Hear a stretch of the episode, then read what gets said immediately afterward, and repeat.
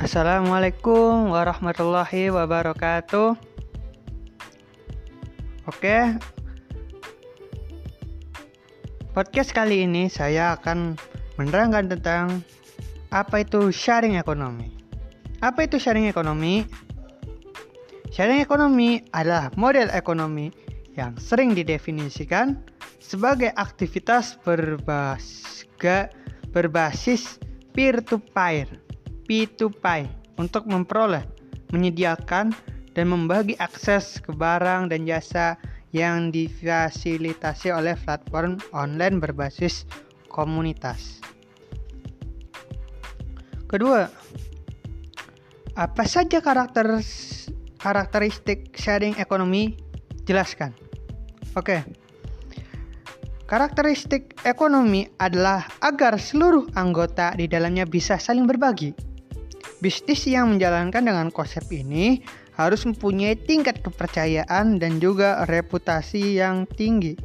Selain itu, juga memper, mem, diperlakukan suatu legalitas dan juga transparansi yang juga tinggi. Jelaskan empat model sharing ekonomi. Oke, empat modelnya yaitu satu, franchiser, kedua, principal, ketiga, chaperone, dan keempat, gardener. Setiap model berfokus pada propos proposisi nilai dan maksud strategi yang berbeda. Tetapi mereka semua mengeksploitasi fluiditas yang berkembang dari batas-batas organisasi.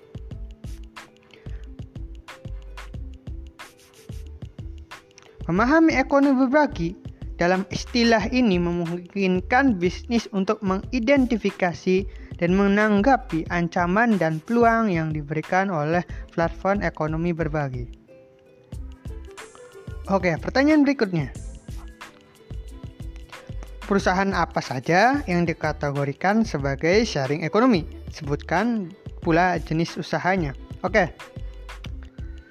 Dalam antar jemput, penumpang dan pembeli. Nah, yaitu Gojek, GoGrab, dan banyak lagi. Dalam antar paket seperti Gosen, Si Cepat, dan banyak lagi. Dalam marketplace ada Tokopedia, ada Alibaba, ada Amazon, ada Shopee. Dalam pariwisataan ada Traveloka, ada tiket dulu, dan lain-lain. Dalam mencari pekerjaan, ada namanya inden, dan lain-lain. Pertanyaan terakhir, jelaskan dengan baik gambar satu di samping ini. Oke, jadi gambar di samping ini adalah gambar adalah digital platform yang menghubungkan antara penjual atau penjasa, produsen, dan pembeli atau konsumen. Oke, sekian itu itu saja. Kurang lebihnya mohon maaf. Assalamualaikum warahmatullahi wabarakatuh.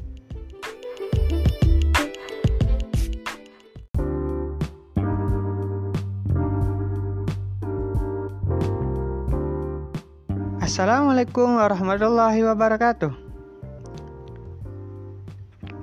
Kali ini saya akan menerangkan tentang aset digital. Apa itu aset digital? Aset digital adalah aset yang cangkupannya tidak hanya sebatas uang, tetapi juga bernilai emosional, bersifat pribadi dan rahasia, seperti akun sosial media, domain blog, dan ID untuk mengakses online game. Kedua, apa saja jenis aset digitalnya? Oke, Pertama-tama ada akun YouTube, ada akun medsos seperti Instagram, Facebook, WhatsApp, YouTube, YouTube, Telegram dan sebagainya. Yang kedua adalah akun privasi seperti akun Google, Gmail, dan lain-lain. Selanjutnya adalah akun game seperti Steam, Epic Game Store, dan banyak. dan lain-lain. Selanjutnya adalah akun kripto seperti Bitcoin dan lain-lain.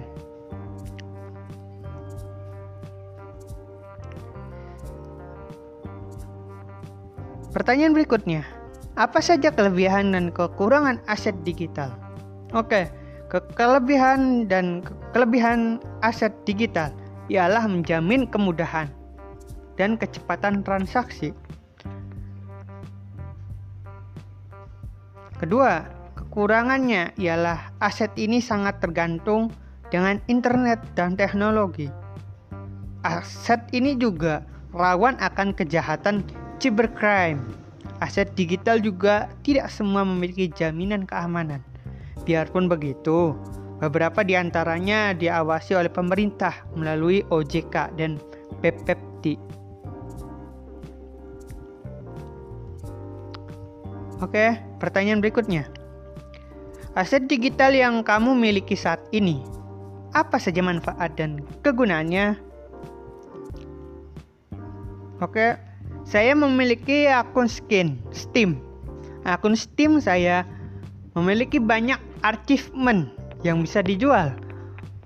Bahkan seperti game Dota yang kalau memiliki banyak set baju-baju karakter maka bisa dijual hingga ada sampai 80 juta kalau itu kalau dapat baju yang seperti itu. Sayangnya saya belum punya. Oke. Yang kedua, saya mempunyai medsos.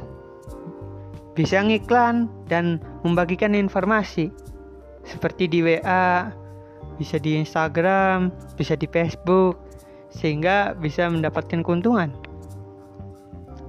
Oke. Selanjutnya, jelaskan dengan baik gambar dua di samping. Oke. Yang pertama adalah digital asset perlu akan berikut ya satu manage mengatur kedua distribute membagikan. Ketiga retrieve mengambil. Ke keempat arsip mengarsip mengarsipkan. Dan semuanya ini harus harus teratur untuk menyusun aset digital secara terus menerus oke sekian. Kurang lebihnya mohon maaf. Assalamualaikum warahmatullahi wabarakatuh.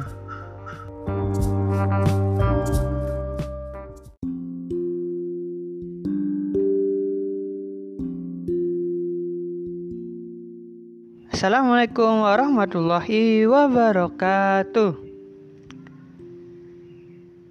Ya, hari ini saya akan menyampaikan tentang ekonomi digital. Mobile economy. Apa itu mobile economy? Mobile economy adalah setiap transaksi yang terjadi pada ponsel pintar atau tablet. Saat ini lebih dari 3 triliun dolar ekonomi dunia atau 4,2 persen dari PDB dunia. Di luar penggunaan retail, ekonomi seluler menyentuh industri lain seperti perbankan, perawatan kesehatan, dan konstruksi. Berikutnya, mengapa Indonesia disebut sebagai mobile first country dan mobile savvy digital natives? Oke. Karena Indonesia memiliki banyak potensi dalam menggunakan media platform digital dalam menyebarkan barang dagangan atau sebagai perantara dan penggunaan internet di Indonesia dikatakan sangat aktif. Maka peluang berniaga dengan ponsel pintar semakin besar. Oke, selanjutnya. Setujukah kamu bila dikatakan Indonesia berpotensi menjadi salah satu negara yang memiliki transaksi ekonomi terbesar di Indonesia? Yaitu terbesar di dunia. Setuju? karena maraknya iklan-iklan e-commerce yang ngiklan di medsos. Bahkan dapat diartikan bahwa Indonesia warganya sangat konsumtif. Ini juga menjadi PR bagi UMKM Indonesia untuk ikut dalam mobile economy. Jangan kalah sama barang impor luar negeri. Oke, siap. Selanjutnya, jelaskan dengan baik gambar du, gambar tiga di samping. Oke. Gambar tiga ini menjelaskan tentang ada tiga prioritas, yaitu satu jaringan. Nah, jaringan 4G dan 5G. Jaringan ini membantu setiap akses akses kita di medsos. Kedua, ada sosial security.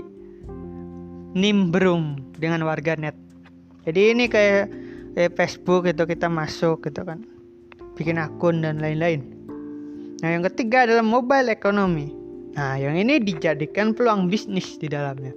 Jadi dengan adanya social society maka mobile economy bisa dilancarkan serangan jitunya. Oke. Sekian. Assalamualaikum warahmatullahi wabarakatuh.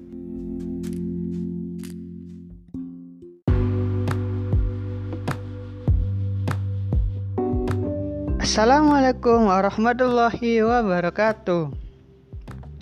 Oke.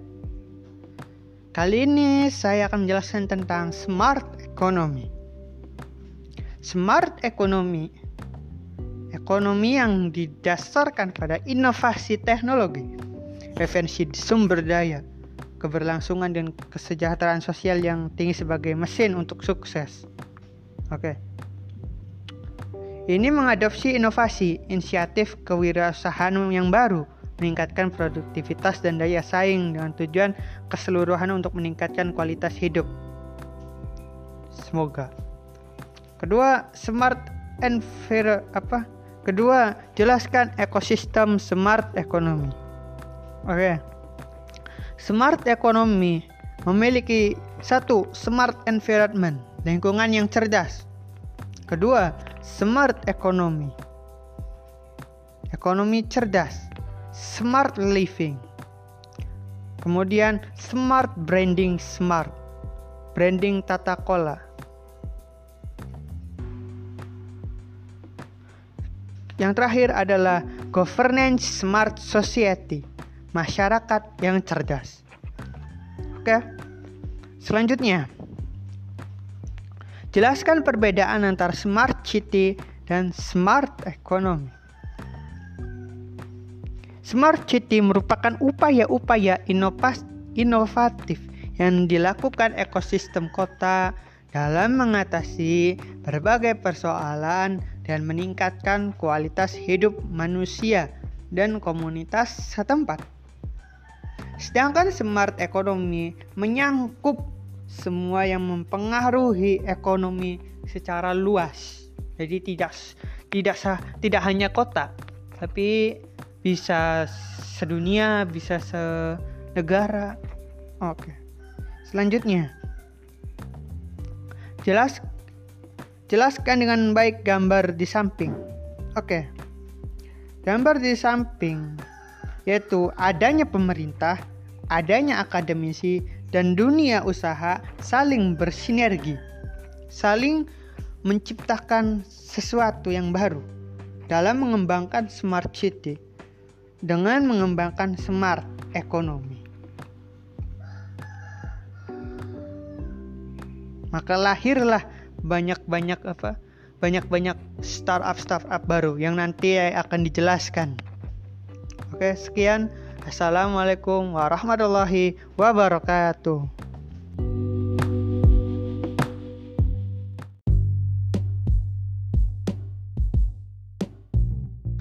Assalamualaikum warahmatullahi wabarakatuh. Saya akan menerangkan tentang hari ini saya akan menerangkan tentang vintage. Oke, okay. vintage atau financial technology atau disingkat vintage adalah inovasi di bidang jasa keuangan yang tengah naik daun di Indonesia sejak berapa tahun terakhir. Pengertian vintage menurut OJK Vintage adalah sebuah inovasi pada industri jasa keuangan yang memanfaatkan penggunaan teknologi. Produk vintage biasanya berupa suatu sistem yang dibangun guna menjalankan mekanisme transaksi keuangan yang spesifik.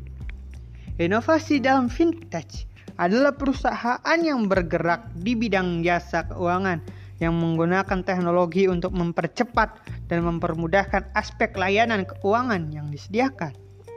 Oke, fintech sendiri semakin populer seiring dengan pesatnya perkembangan perusahaan-perusahaan rintisan atau startup yang nanti akan kita bahas di episode depan. Perkembangan penggunaan fintech dan perusahaan fintech juga terus berkembang dari tahun ke tahun. Pengguna fintech adalah yang awalnya 7% di 2007 berkembang menjadi 20% di 2011 lalu meningkat lagi menjadi 36% di tahun 2014 dan di tahun 2017 sudah menyampai angka 78% atau tercatat sebagai sebanyak 135 sampai 140 perusahaan. Dengan nilai dengan nilai total transaksi fintech di Indonesia pada tahun 2017 diperkirakan mencapai 202,77 triliun. Oke, sekian itu saja. Kurang lebihnya mohon maaf. Assalamualaikum warahmatullahi wabarakatuh.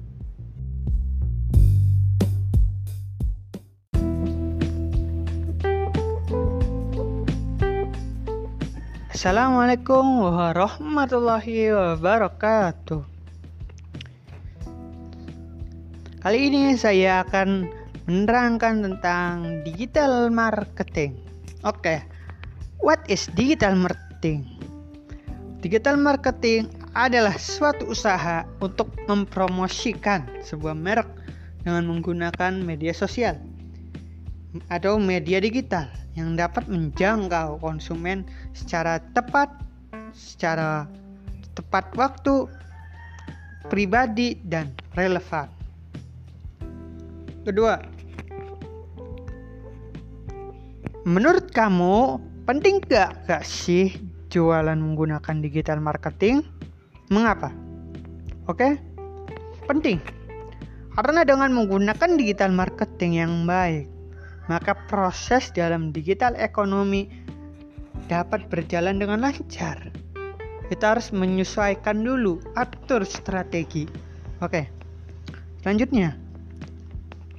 Jelaskan hubungan antara digital marketing dan digital ekonomi. Nah, coba oke, okay? dibaratkan begini.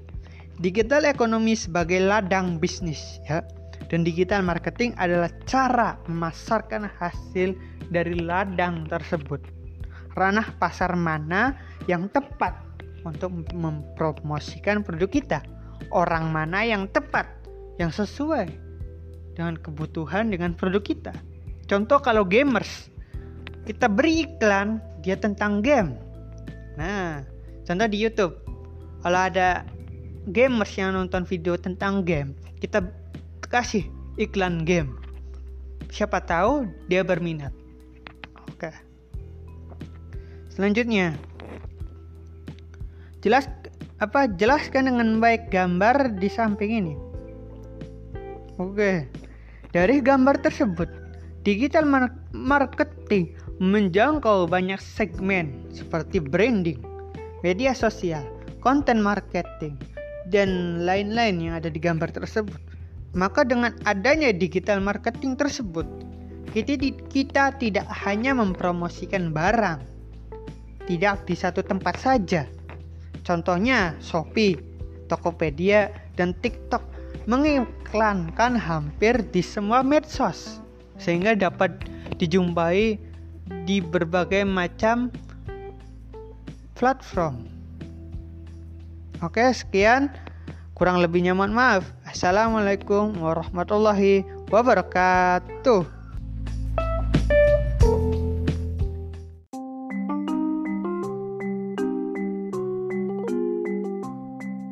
Assalamualaikum warahmatullahi wabarakatuh.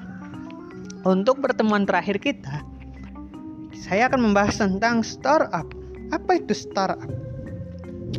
Startup adalah pekerjaan atau perusahaan yang menggunakan sharing ekonomi digital dalam setiap penerapannya. Kedua, jelaskan berbagai klasifikasi startup. Berikan contoh. Oke. Pertama adalah Hextocorn startup yang memiliki nilai valuasi sekitar 100 miliar US dollar atau sekitar 1400 triliun. Yang kedua adalah Dekakorn. Nilai nilai dari Dekakorn adalah 10 miliar US dollar atau sekira sekitar 140 triliun. Oke, yang berikutnya yaitu Unicorn. Unicorn startup yang memiliki nilai valuasi US dollar US atau sekitar 14 triliun. Centaurus. Berikutnya adalah Centaurus. Yaitu memiliki nilai valuasi 100 US dollar 100 juta US dollar atau sekitar 1,4 triliun. Selanjutnya adalah ponis. Nah, ini ponis yang valuasinya menembus hingga 10 juta US dollar atau sekitar 140 miliar. Yang terakhir, ini yang kecil-kecilan yaitu cockroach startup yang masih dirintis hingga nilai valuasinya pun masih rendah tapi tak tahan banting. Oke. Jelaskan hubungan antar startup dan ekonomi digital. Oke, startup dan ekonomi digital memiliki hubungan yaitu dengan adanya startup yang kini memakai ekonomi digital sebagai landasannya. Si ibarat startup adalah petani, maka ekonomi digital adalah ladang yang subur maka petani tersebut menggarap ladang dengan efisien sehingga hasilnya bisa dinikmati oleh kak oleh orang-orang. Oke. Okay.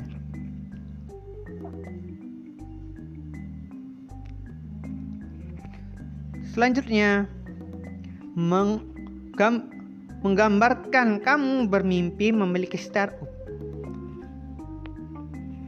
impian kamu, startup kamu, ceritakanlah. Oke, saya akan bercerita tentang startup saya. Keinginan saya adalah menggunakan jasa mempertemukan antara pelanggan dengan salon. Ya, mulai dari salon rambut, rias pengantin, sampai kecantikan bisa dipesan lewat mobile ekonomi. Apalagi sekarang, di mana orang memesan jasa rias pengantin harus pesan ini, pesan itu di tempat yang berbeda, sehingga kurang efektif. Maka dengan startup ini dapat menjadi solusi. Semoga. Kurang lebihnya mohon maaf. Assalamualaikum warahmatullahi wabarakatuh.